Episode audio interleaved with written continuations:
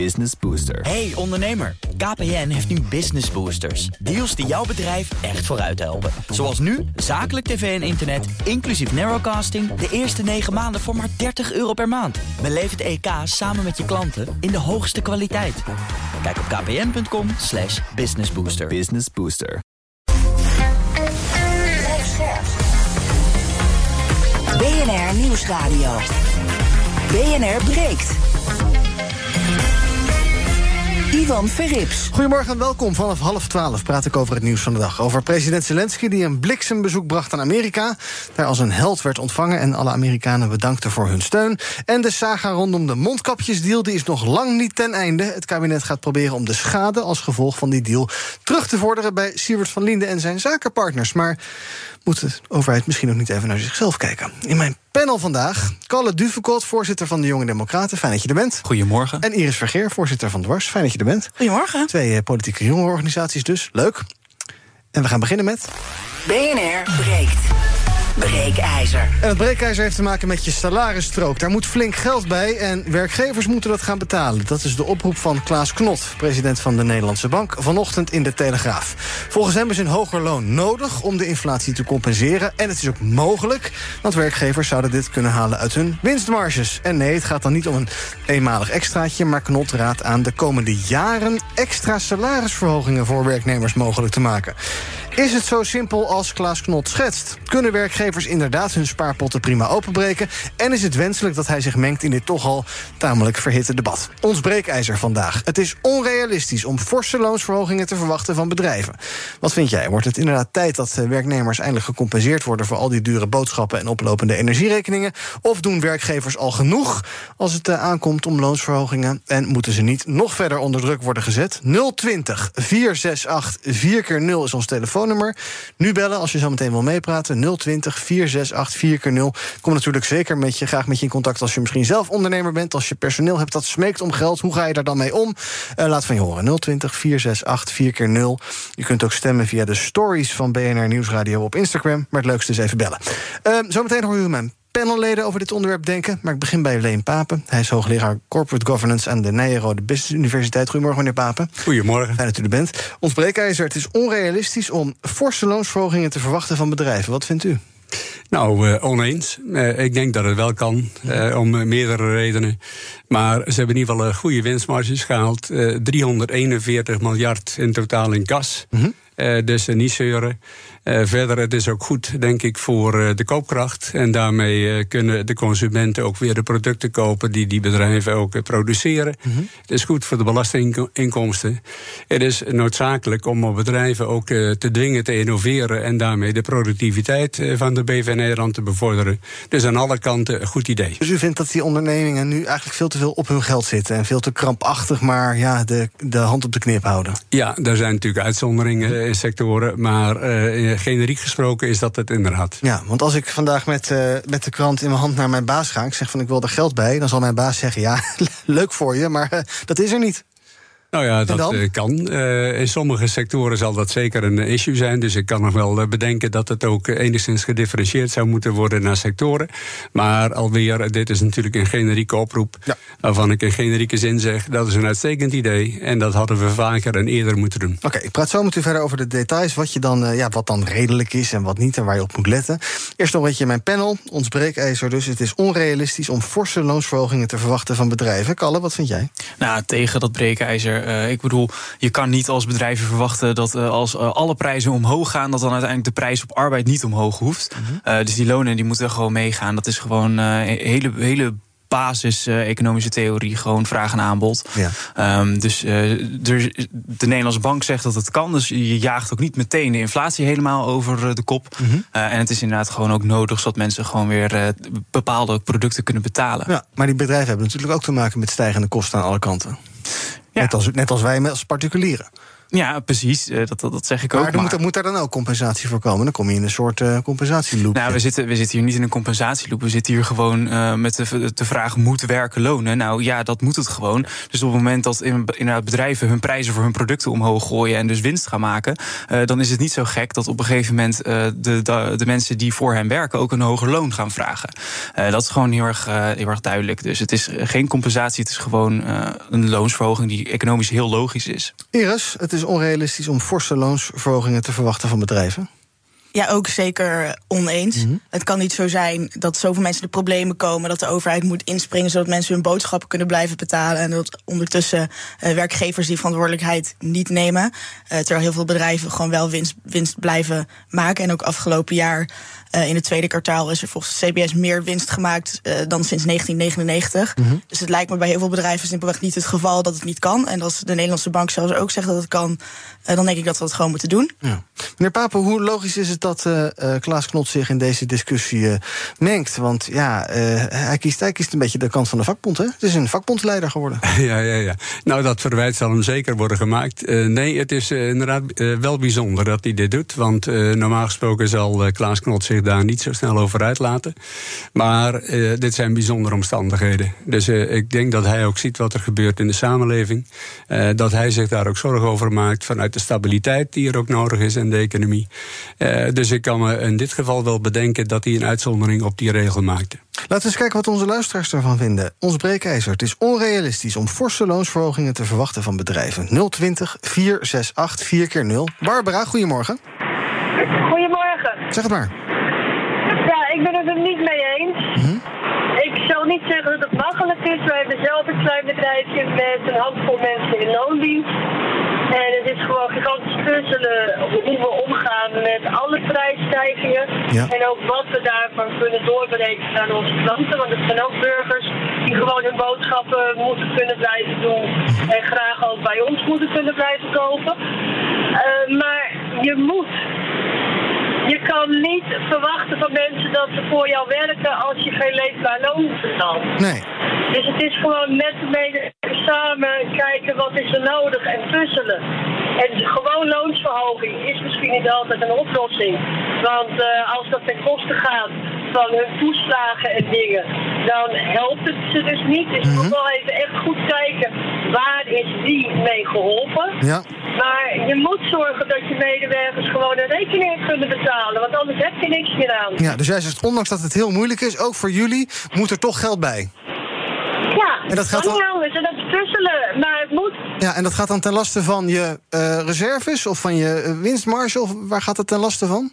Eh, natuurlijk in eerste instantie gewoon van de winstmarge. Ja. En voor een deel ja, dingen met eigen arbeid weer opvangen. Dus dan gaat je eigen huurloon nog verder omlaag. Ja. zeg maar. Maar ja, dat, dat, en in de hoop dat dat dan later weer wat beter recht trekt. Ehm, en daar moet je nog goed op letten. En ja, het gaat ook voor een deel natuurlijk ten koste van reserves. Of, Ja. ja. je moet gewoon kijken waar je het kan weghalen. Dat is Duidelijk. toch voor iedereen verschillend zijn. Bij ons gaat het natuurlijk snijden voor een stuk in je eigen vlees. Maar je wil toch de continuïteit van je onderneming, dat moet op één staan. Mhm. Dus je moet niet eh ten koste door natuurlijk van eh, dat je je als onderneming dan allemaal schulden gaat maken. Daar zijn je medewerkers uiteindelijk ook niet mee geholpen. Nee, Maar dus, ik denk wat ik zeg, het is een tussen. Die moet iedereen zelf leggen. duidelijk. Maar het kan niet anders. Wij hebben twee maanden geleden iedereen 9% erbij opgedaan. Omdat we zagen dat het moest bij de medewerkers. En dat is dan gewoon zo. Ja, Klaar. en dan moet je dus zelf een beetje inleveren. Dankjewel voor het bellen, Barbara. Joop, goedemorgen. Goedemorgen. Zeg het maar. Ja, ik vind eigenlijk de stelling verkeerd. Ja. Dus ik pak de derde weg. Ja. Eh, wat mij betreft is eh, sinds de financiële crisis in 2008, die was heel scherp aangekondigd, maar die is nooit meer afgekondigd. Ehm, alle loonsonderhandelingen die eh, ik meegemaakt heb, die zitten nog steeds in, het- in de sfeer van de crisis. Ja, en ondertussen stijgen winsten van bedrijven. En ik zie dat in het lonen niet, heb ik dat niet zien gebeuren de oude- sinds 2008. Ja. Ehm, dus wat mij betreft is alleen daar al een flinke compensatie voor nodig. En dat moet dus zeker gebeuren. Dank voor het bellen. En tot slot van dit blokje even. Berry, goedemorgen. Goedemorgen. Zeg het maar. Ik, eh, ik ben het oneens met de stelling. Mhm. Ik geloof namelijk dat we allemaal mogen kijken als mensen, niet meer als bedrijf en werkgever en werknemer. Onderaan de streep zijn we allemaal vaders, moeders, zoons, dochters.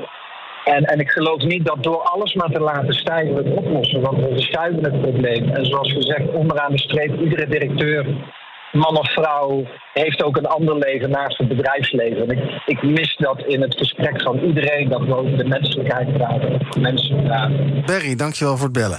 Ehm, meneer Papen, we zijn allemaal mensen. Nou, het is natuurlijk zo, zonder individuen was er helemaal niks in deze wereld, zonder particulieren. Ehm, toch denk ik dat de aandeelhouders daar ook wel iets anders over zullen denken bij bedrijven. Die willen natuurlijk een zo'n groot mogelijk deel van de, uh, het geld dat er verdiend wordt ja. binnenharken. Het antwoord is vast en zeker. Hè. Die uh, zullen denken, dit gaat ten koste van de dividenden of de inkoop eigen aandelen. Maar goed, uh, in de afgelopen decennia is mijn stelling: hebben de aandeelhouders meer gekregen dan uh, de werknemers. En dat is ook niet goed, moet ook uh, worden omgekeerd. Je kunt het zien aan de arbeidsinkomensquote versus de quote, het bedrag dat aandeelhouders krijgen, kapitaal. En die is ook ten gunste verschoven van de kapitaalhouders. Dus wat dat betreft moet ook dat, die trend ook worden gekeerd. En daar helpt dit ook in. Ja, die gaat volgend jaar wel fors dalen, die arbeidsinkomensquote. 71,8 procent. Dat is tientallen jaren geleden was dat boven de 80. Ja. Maakt u zich daar zorgen om? Zeker. Het Ja. is niet goed. Er is ook um, een trend die uh, al jarenlang die kant op gaat. En dat zegt ook iets over inderdaad die aandeelhouders. Die hebben te veel gekregen. En alweer, dit gaat ten koste van een dividend. Nou, zo so be it. Ja. Barbara zegt net, uh, Iris, uh, ja, het kan misschien niet in structurele loonsverhogingen, maar dan wel in extraatjes of tijdelijke dingen. Ben jij daar, ben jij daar voorstander van? Of zeg je nou, hè, er zijn wel economen die zeggen, ja, dat is allemaal aardig en leuk, maar. en ook vakbonden, die willen gewoon structureel geld erbij. En niet ouwe hoer met inflatie, bonusjes en dat soort dingen. Ik sta denk ik daarin wel aan de kant eh, van de vakbonden. Want anders krijg je weer hetzelfde probleem als we weer in zo'nzelfde situatie komen. Dus het lijkt mij beter om een structurele oplossing te hebben en structurele afspraken te maken in de cao's over gaan lonen wel of niet meestijgen met de inflatie. Mm-hmm. Ja, ik, wil daar wel in principe op reageren. Want ik vind het inderdaad wel heel goed dat we um, wel gaan kijken dat, dat je gewoon structureel uh, loonsverhoging hebt. En niet alleen maar van, oh, nu een extraatje. Uh, maar ik ben er niet, het er niet mee eens dat we dan het automatisch zouden moeten koppelen bijvoorbeeld aan, uh, aan de inflatie. Want dan jaag je die inflatie juist automatisch heel erg aan. Ja, wat ze in België doen bijvoorbeeld. Precies. Dus je kunt inderdaad wel gewoon, je moet gewoon kijken van, hé, hey, die, die marktwerking die, die, die moet je op een gegeven moment gang laten gaan, waardoor die lonen omhoog gaan. want dat is niet meer dan eerlijk. lonen moet, werk moet gewoon lonen. Mm-hmm. Uh, maar ik zou het niet zo automatisch eraan gaan koppelen in, in cao's. Omdat je dan net krijgt dat je ook niet meer kan bijsturen als het wel de verkeerde ja, kant op gaat. Dat is natuurlijk wel duidelijk als je dat doet. Want nu krijg je allerlei onduidelijke situaties. Vorige maand was de inflatie 9,9 procent. De gemiddelde loonstijging was 6,4 procent. Knot noemt vandaag in de Telegraaf uh, loonstijgingen tussen de 5 en de 7 procent. Dat vindt hij prima betaalbaar. Nou, meneer Papa, zeg het maar. Wat, uh, wat moet erbij? Ja, ik weet het niet. Nou, dat is, uh, het, het, is in ieder geval met die 5 tot 7 blijf je achterlopen. Dat ja, is in ieder geval exact. de conclusie. Dus we trekken allemaal weer een beetje de broekriem aan. Ook de consumenten, ook de bedrijven. Ja, wat is er reëel? Uh, kijk, als je nu de inflatie van nu pakt, dan is die uh, boven de 10. Uh, dat is waarschijnlijk ook wel een beetje veel om dat te compenseren.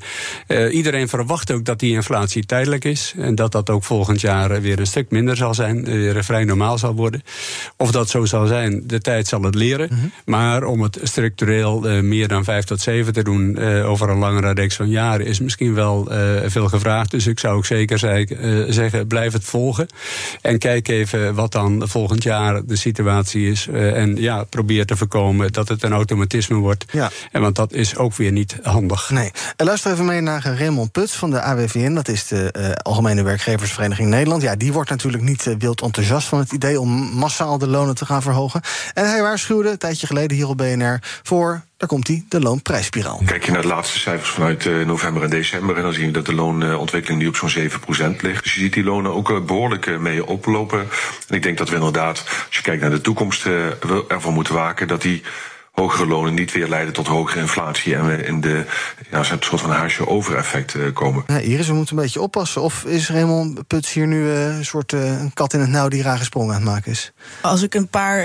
ik las een artikel van een paar economen die zeiden... dat ze dit, in dit geval in Nederland niet zo bang zijn voor die loonprijsspiraal. Omdat de inflatie die er nu is ook niet komt door de stijging van de lonen... maar door de stijging van grondstofprijzen. En dat de inflatie inderdaad eerder naar beneden zal gaan... dan weer nog verder omhoog zal gaan. Dus dat er eigenlijk nu niet zo'n reden is tot angst voor die loonprijsspiraal.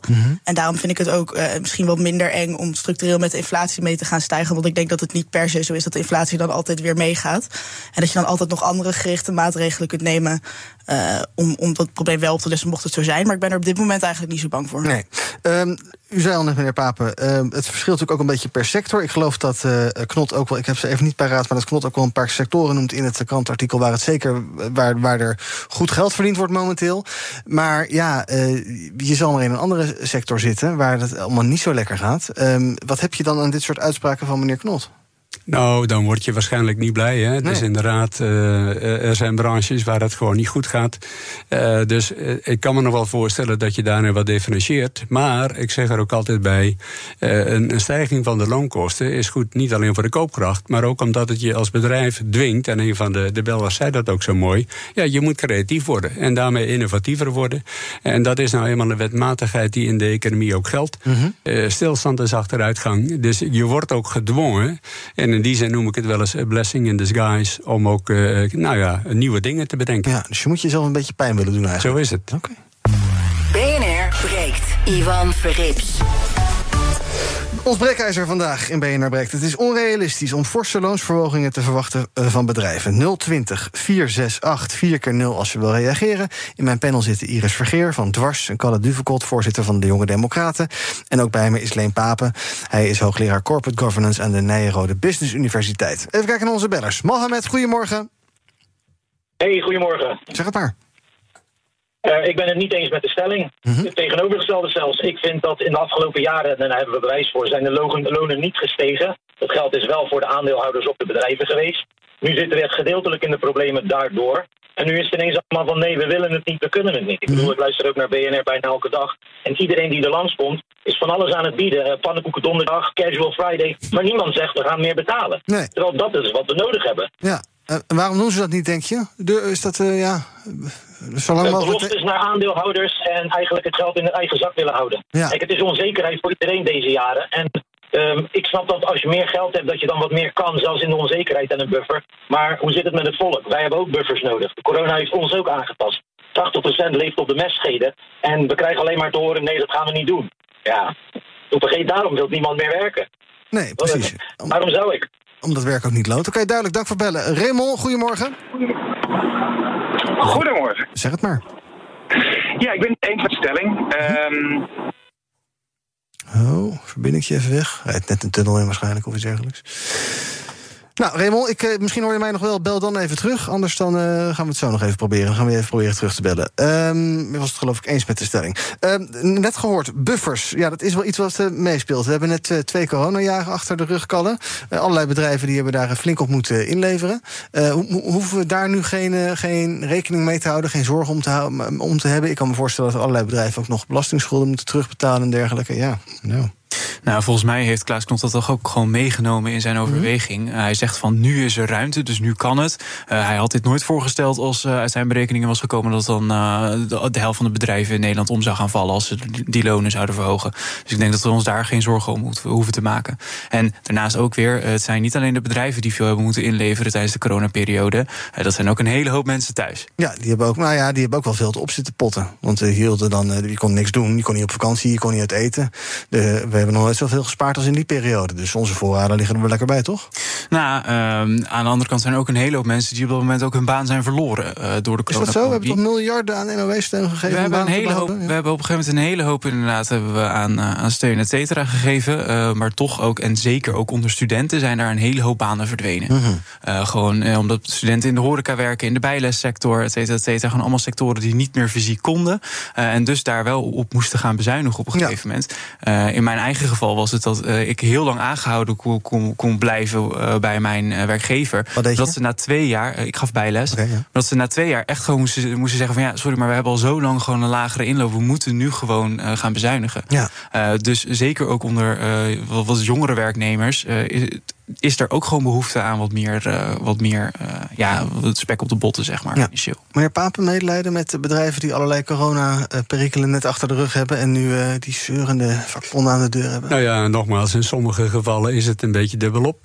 dus dat is vervelend. Maar alweer even het idee dat buffers zijn afgenomen, dat is in het geheel niet correct. Hè. Dus het totale bedrijfsleven. Okay. Nee, het totale bedrijfsleven heeft 341 miljard in kas. en daarmee zijn we Europees koploper zo ongeveer. uh, ook historisch hoog. Dus er zijn heel veel buffers bij bedrijven juist opgebouwd in die afgelopen periode. Alweer niet bij iedereen. Ja. Nee, als je de bakker bent uh, op de hoek die inderdaad nu met de dure energie ook zijn brood moet bakken. Nou, dan heeft hij het inderdaad niet makkelijk. En ook sommige bedrijven die met NOE-steun hebben overleefd, hebben ook een probleem. Ja. Maar alweer in, in ganzen valt het nog wel mee. Ja, en dus als je nu bij een bakker werkt, heeft het niet zoveel zin om te enorm te gaan voet tussen de deur te zetten en te, te, te zeuren dat je er geld bij wil.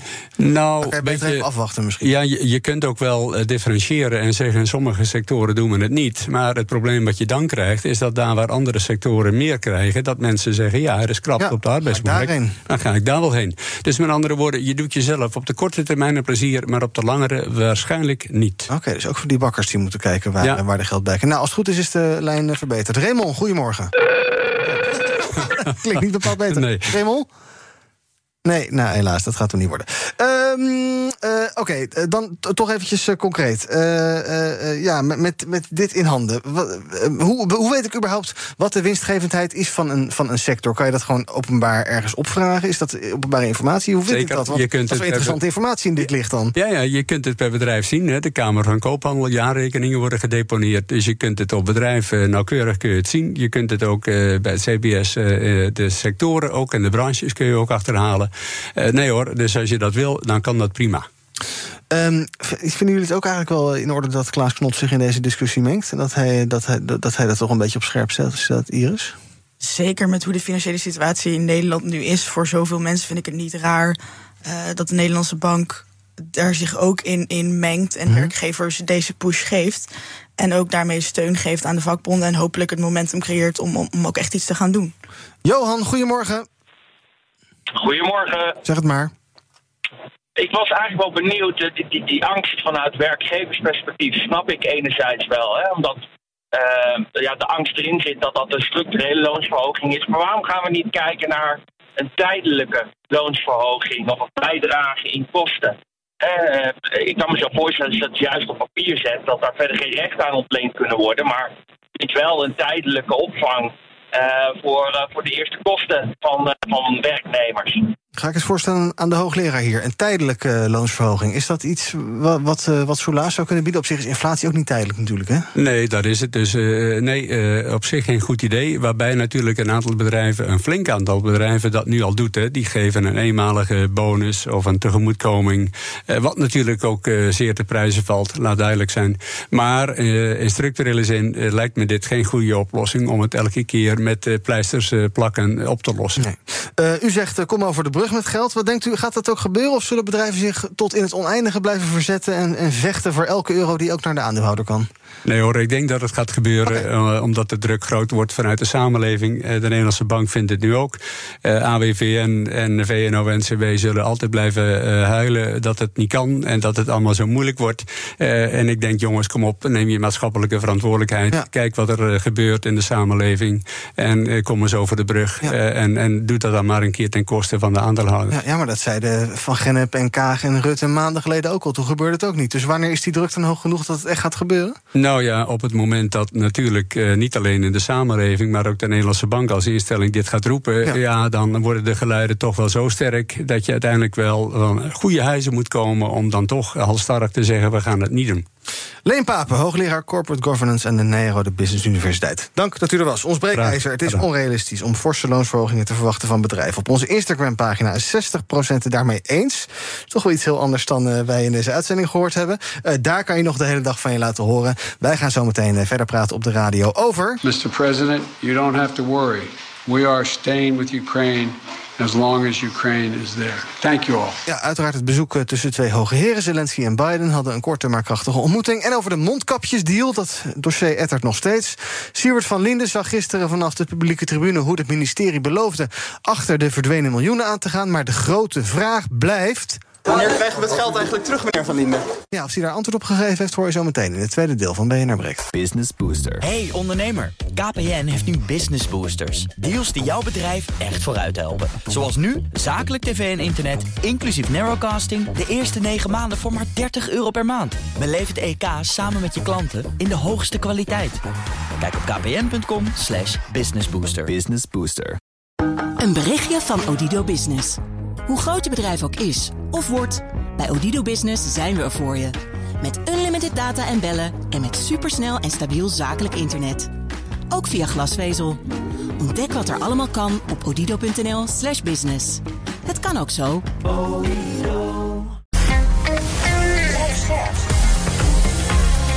BNR Nieuwsradio. BNR breekt.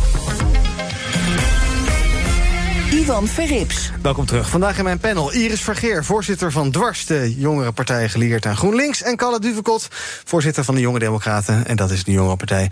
Ja, verbonden aan D66 mag je nooit zeggen, onafhankelijk van, maar eh, politiek. Gelieerd aan. Ja, mag dat wel zo? Ja. Oké, doen we het zo. We gaan praten over het nieuws van de dag. Um, wij lagen misschien uh, nou, de meeste mensen te maffen, maar in Amerika vond hoog overleg plaats afgelopen nacht. President Zelensky die sprak met zijn Amerikaanse collega Joe Biden.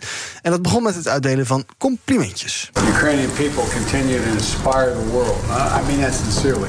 Thank you so much for the invitation. I really wanted to come. Mr. President knows about it, but I couldn't do it because the situation was so difficult.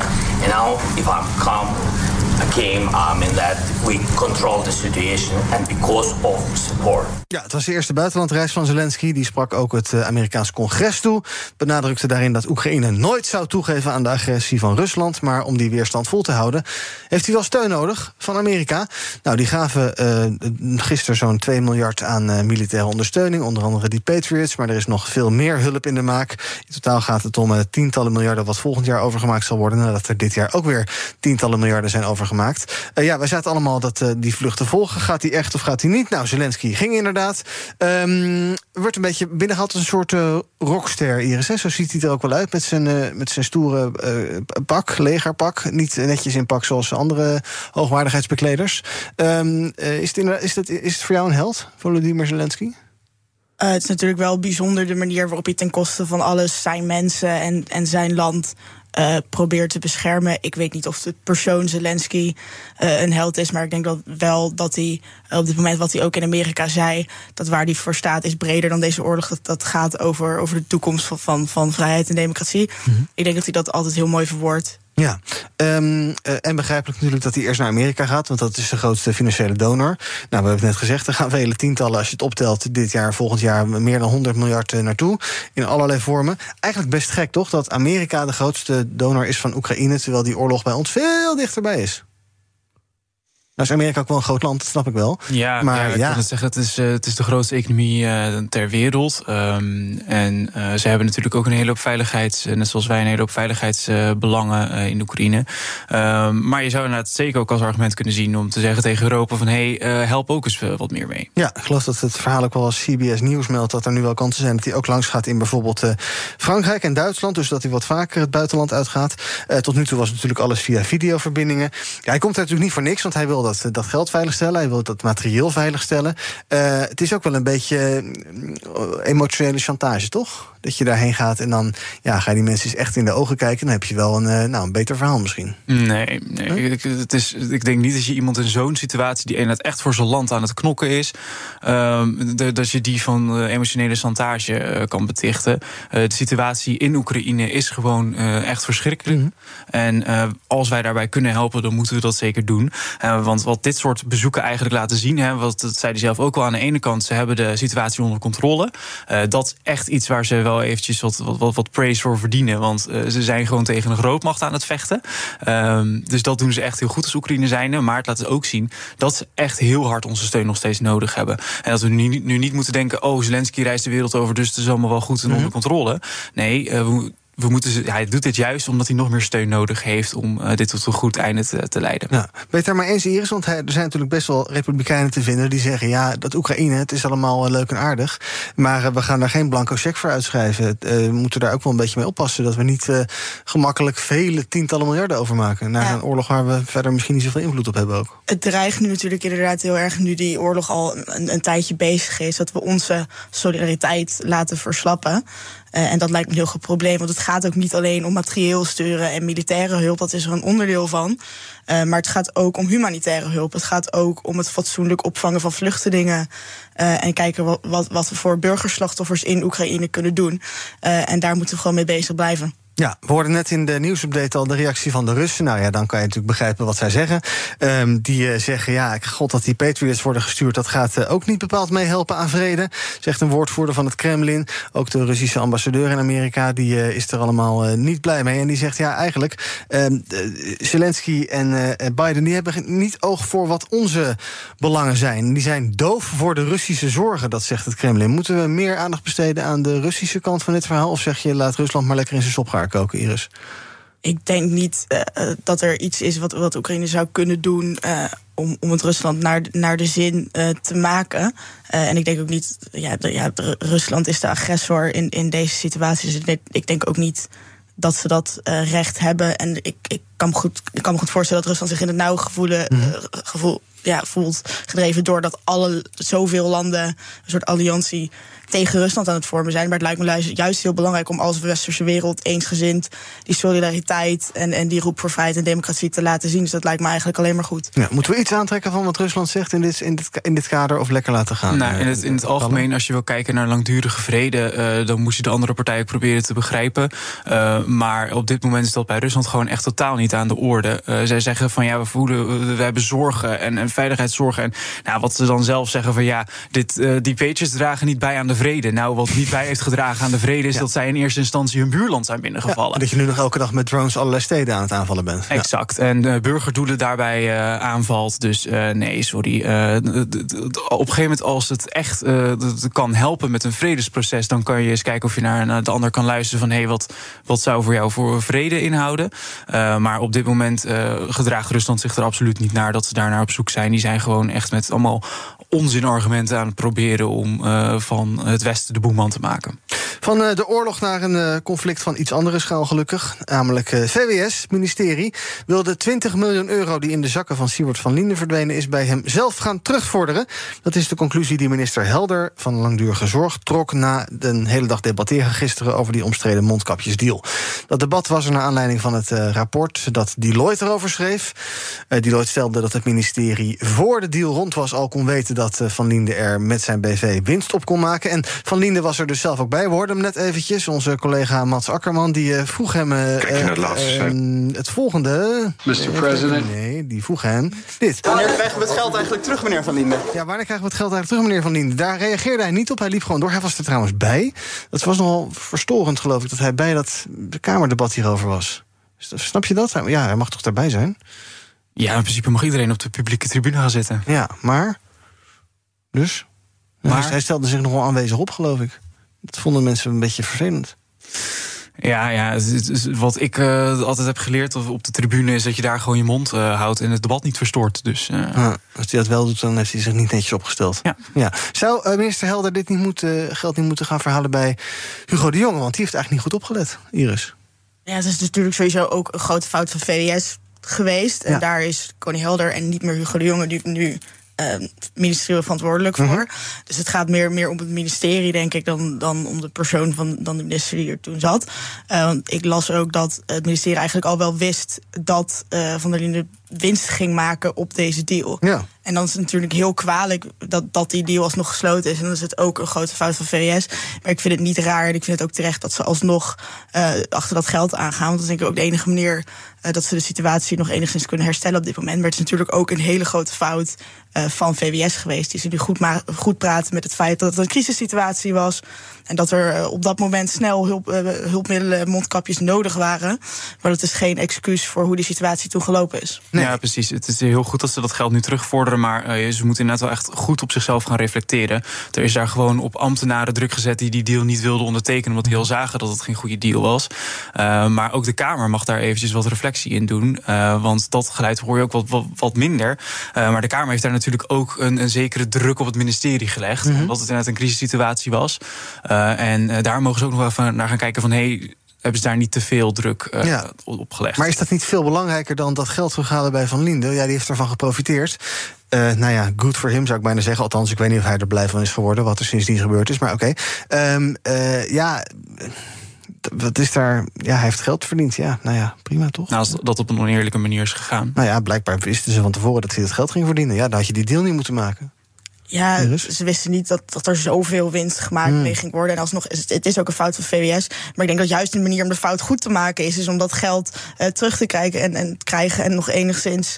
Uh, het geld weer op de juiste plek te, te, krijgen... en daar weer als overheid goede dingen mee te kunnen doen. Mm. Dus het lijkt me niet raar om alsnog ook het geld terug te krijgen... los van uh, kijken naar wat zijn de structurele fouten... die VWS hierin heeft gemaakt. Ja. En het was ook gewoon heftig dat het debat zelf uh, zo rommelig liep. Inderdaad, omdat Siebert zelf op de tribune zat... Omdat een groot deel van de oppositie op een gegeven moment wegliep. wegliep. Ja. Uh, omdat Fleur Agema en Wieberen van Haga in een onderonsje tegen elkaar zeiden... van nou ja, als wij in deze situatie zitten, hadden we het misschien ook gedaan. Het, het, was een nogal bizarre, rommelige situatie. Ja. En, en, die 20 miljoen die verdwenen is, hè, dat is voor dat is natuurlijk op de hele begroting is natuurlijk peanuts. Als je gaat nadenken over wat er aan, dat, aan het rapportenwerk de afgelopen maanden al besteed is, is, heeft het dan zin om daar zo achteraan te blijven gaan? Nou, kijk, op de rijksbegroting is 20 miljoen lijkt misschien niet heel veel. Maar ik weet al een hele hoop uh, goede, goede doelen uh, binnen, het, uh, binnen de rijksbegroting waar 20 miljoen heel erg van pas zou kunnen komen. bijvoorbeeld het gemeentefonds. Want een hele hoop gemeenten hebben gewoon heel weinig geld om überhaupt hun taken uit te voeren. laat staan bijvoorbeeld een energie compensatie voor uh, studenten uit te voeren. Daar hebben ze ook te weinig geld voor gekregen. Uh, dus 20 miljoen terughalen als je daar recht op hebt. En als je dat kan, dan moet je dat zeker als overheid doen. Hm.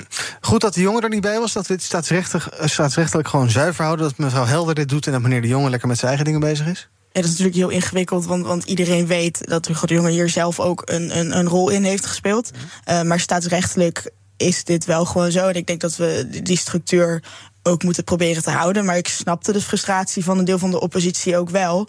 Van we staan hier met iemand te praten die die deal niet heeft gesloten, terwijl we weten wie dat wel heeft gedaan. Mhm. Dus die frustratie snap ik. Maar aan de andere kant lijkt het me ook belangrijk om dat staatsrechtelijk zuiver te houden. Ja, precies. Het is gewoon zo. Ik, ik snap dat inderdaad een hele hoop mensen nu nog steeds naar Hugo de Jonge kijken. Uh, maar uh, zo werkt gewoon ministeriële verantwoordelijkheid niet. Uh, Connie Helder is daar nu verantwoordelijk voor. En als we dan ook kijken naar, naar die ministeriële verantwoordelijkheid, dan kunnen ze haar ook wel eventjes wat meer aan de tand voelen over het feit uh, dat zij gewoon informatie heel laat heeft doorgespeeld naar de Kamer. Of nog steeds niet compleet.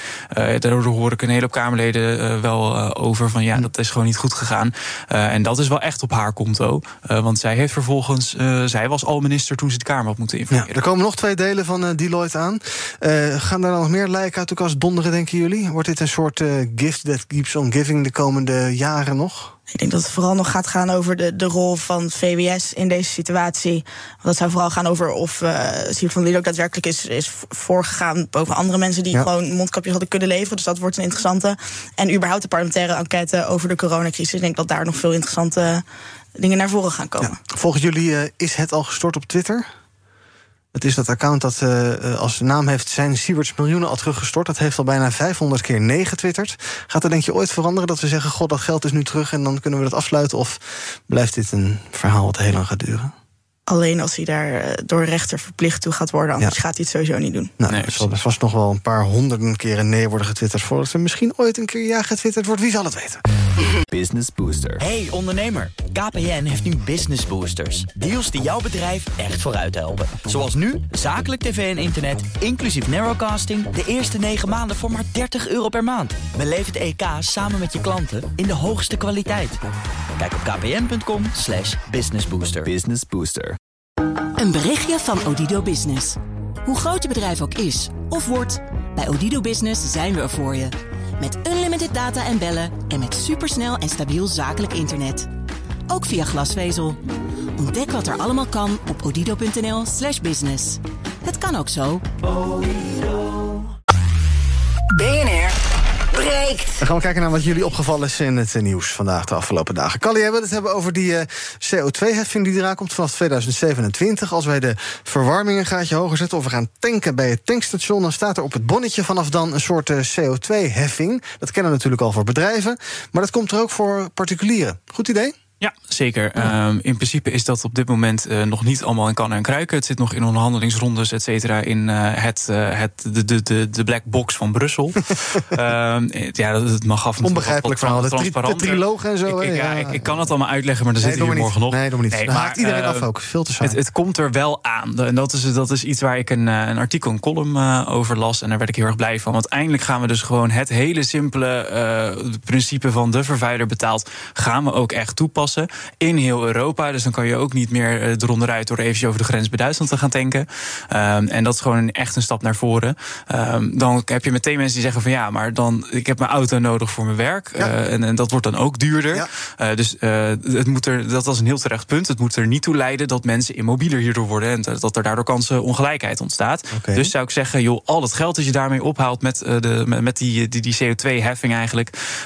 investeer dat echt in goed en, en groen openbaar vervoer. Ja. Uh, we hadden ook laatst in het nieuws dat er een hele hoop uh, lijnen, buslijnen, gewoon aan het verdwijnen zijn uit dorpen. Uh, waardoor mensen gewoon de keuze niet meer hebben of ze op bepaalde dagen of op bepaalde uren werken. Want ze anders gewoon niet meer thuis kunnen komen. Dan zou ik zeggen, nou, investeer het geld dat je met die belastingen ophaalt in, in innovatie en een beter OV. Ja, dat klinkt heel leuk, maar dat is natuurlijk een beetje flauwekul. Want als jij niet zoveel geld hebt en je hebt je auto nodig voor werk. inderdaad, dat geld gaat ook naar allerlei groene initiatieven. Dus dat is ook zo. Maar dat is niet zo dat er dan vanaf 1 januari 2027 opeens magisch allerlei buslijnen overal vandaan komen. Dus je zegt, krijg maar even lekker de kleren de eerste jaren... en dan pas mag je weer lekker naar het werk toe met de bus. Heel groen. Nou, het, het is natuurlijk wel de bedoeling dat inderdaad het zo snel, er zo snel mogelijk... Ja, een laagdrempelig alternatief komt. Ja, maar die tijd dat, die, dat, dat er nog niet is? Nou, je compensatiefondsen gaan inrichten en dergelijke? Nou, je zou ernaar kunnen kijken dat je met uh, dat geld een bepaalde doelgroep uh, gaat ondersteunen. Mm-hmm. Van hé, hey, uh, jij hebt je werk gewoon nodig. Bijvoorbeeld een, een verpleegster in, die in Amsterdam werkt, maar er natuurlijk absoluut niet kan wonen vanwege de belachelijke huizenprijs daar. dat je bijvoorbeeld voor dat soort doelgroepen zegt van hé, hey, jij krijgt vanuit de overheid of zo een, of vanuit dat, dat fonds een, ja, of een, een, een, een openbaar vervoerabonnement of ja. iets in die richting. Ja, moet die bus wel rijden natuurlijk. Ja. De accijnsverlaging gaat er binnenkort ook weer af, Iris. Dus de auto wordt weer de klassieke melkkoe. Accijnsverlaging op, uh, op brandstof? Op benzine. Uh, ja, dat jammer. Jammer dan? Ja. Je hebt er niet zoveel medelijden mee? Nee, zeker niet. Zeker niet. Ik denk dat we vooral moeten gaan investeren in toegankelijk en, en goedkoop uh, beschikbaar OV voor iedereen. Mhm. Mm -hmm. en dat we een beetje af moeten van, van dat, dat de auto echt nodig is. Ja, moeten we ook daarbij ons als particulieren wij, wij, bewuster worden van wat we uitstoten? Is het dus goed dat je op je bonnetje bij de Shell ziet staan... je hebt dit bijgedragen uh, aan, aan CO2-vervuiling? Aan de ene kant af, maar we moeten uh, aan, de, aan de ene kant wel. En aan de andere kant moeten we natuurlijk een beetje af van het idee... Van, uh, dat het jouw particuliere schuld is. Want de grootste ja. uitstoters blijven grote bedrijven... en grote, grote uitstoters. Dus ik ben altijd een beetje bang voor dat idee van... van het is jouw individuele verantwoordelijkheid... dat we in de klimaat crisis zitten.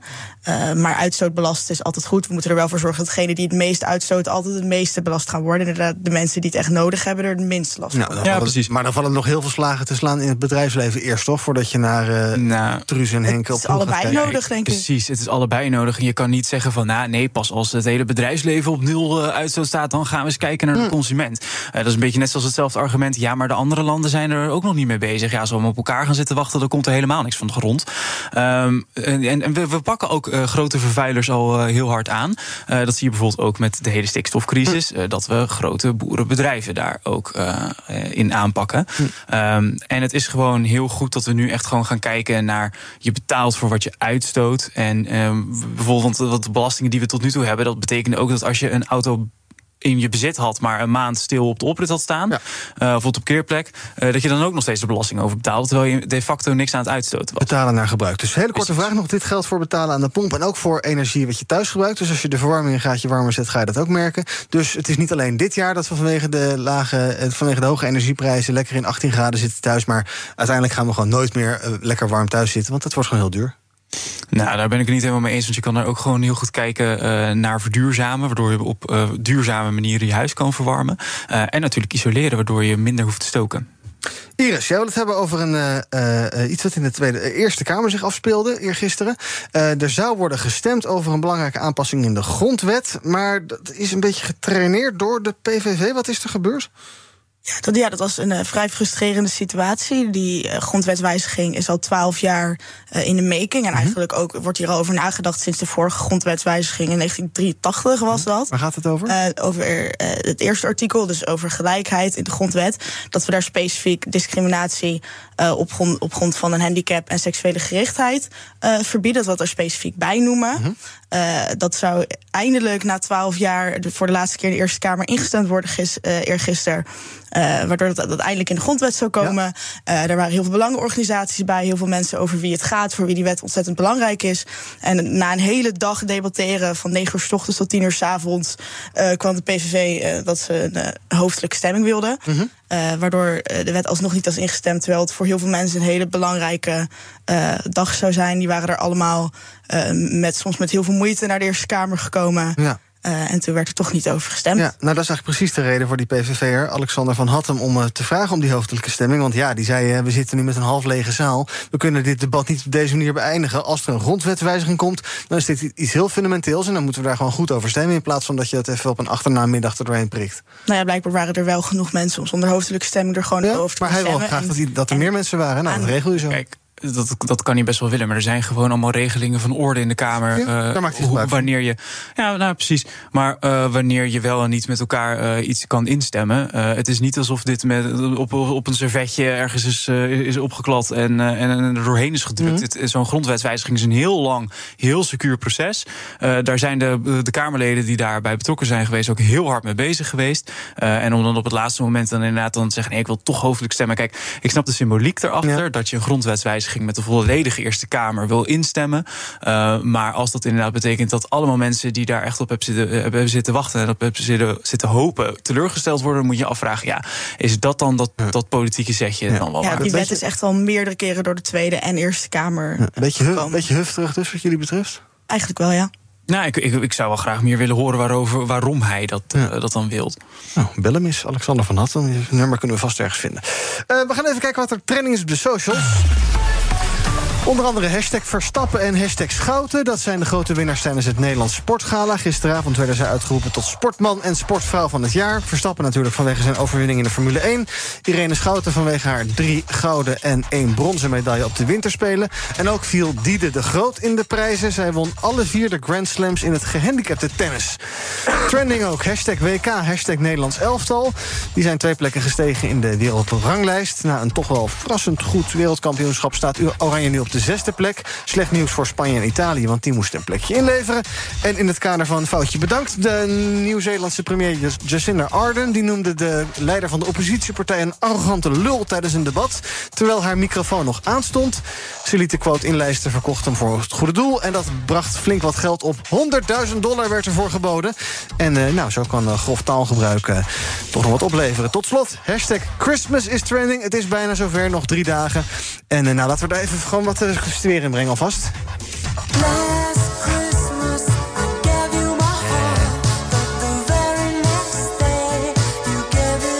Zie je een beetje in de kerstweer, Iris? Ik heb er heel veel zin in. Ja? Ik ga naar Duitsland, naar een kerstmarkt. En oh, naar leuk. mijn familie in Duitsland. Welke kerstmarkt? In Düsseldorf. Oh ja, ik was in Keulen geweest uh, twee weken geleden. Het was druk, echt niet normaal. Ik denk het ook, ja, maar wel okay. gezellig. En de familie dus. Leuk, wat ga jij doen? Ja, tijdens kerst uh, heb ik een hele hoop gezellige lunches en, uh, en borrels en, uh, en dineetjes met mijn familie. Dus dat vind ik heel erg leuk, want dan ga ik ze allemaal weer even zien.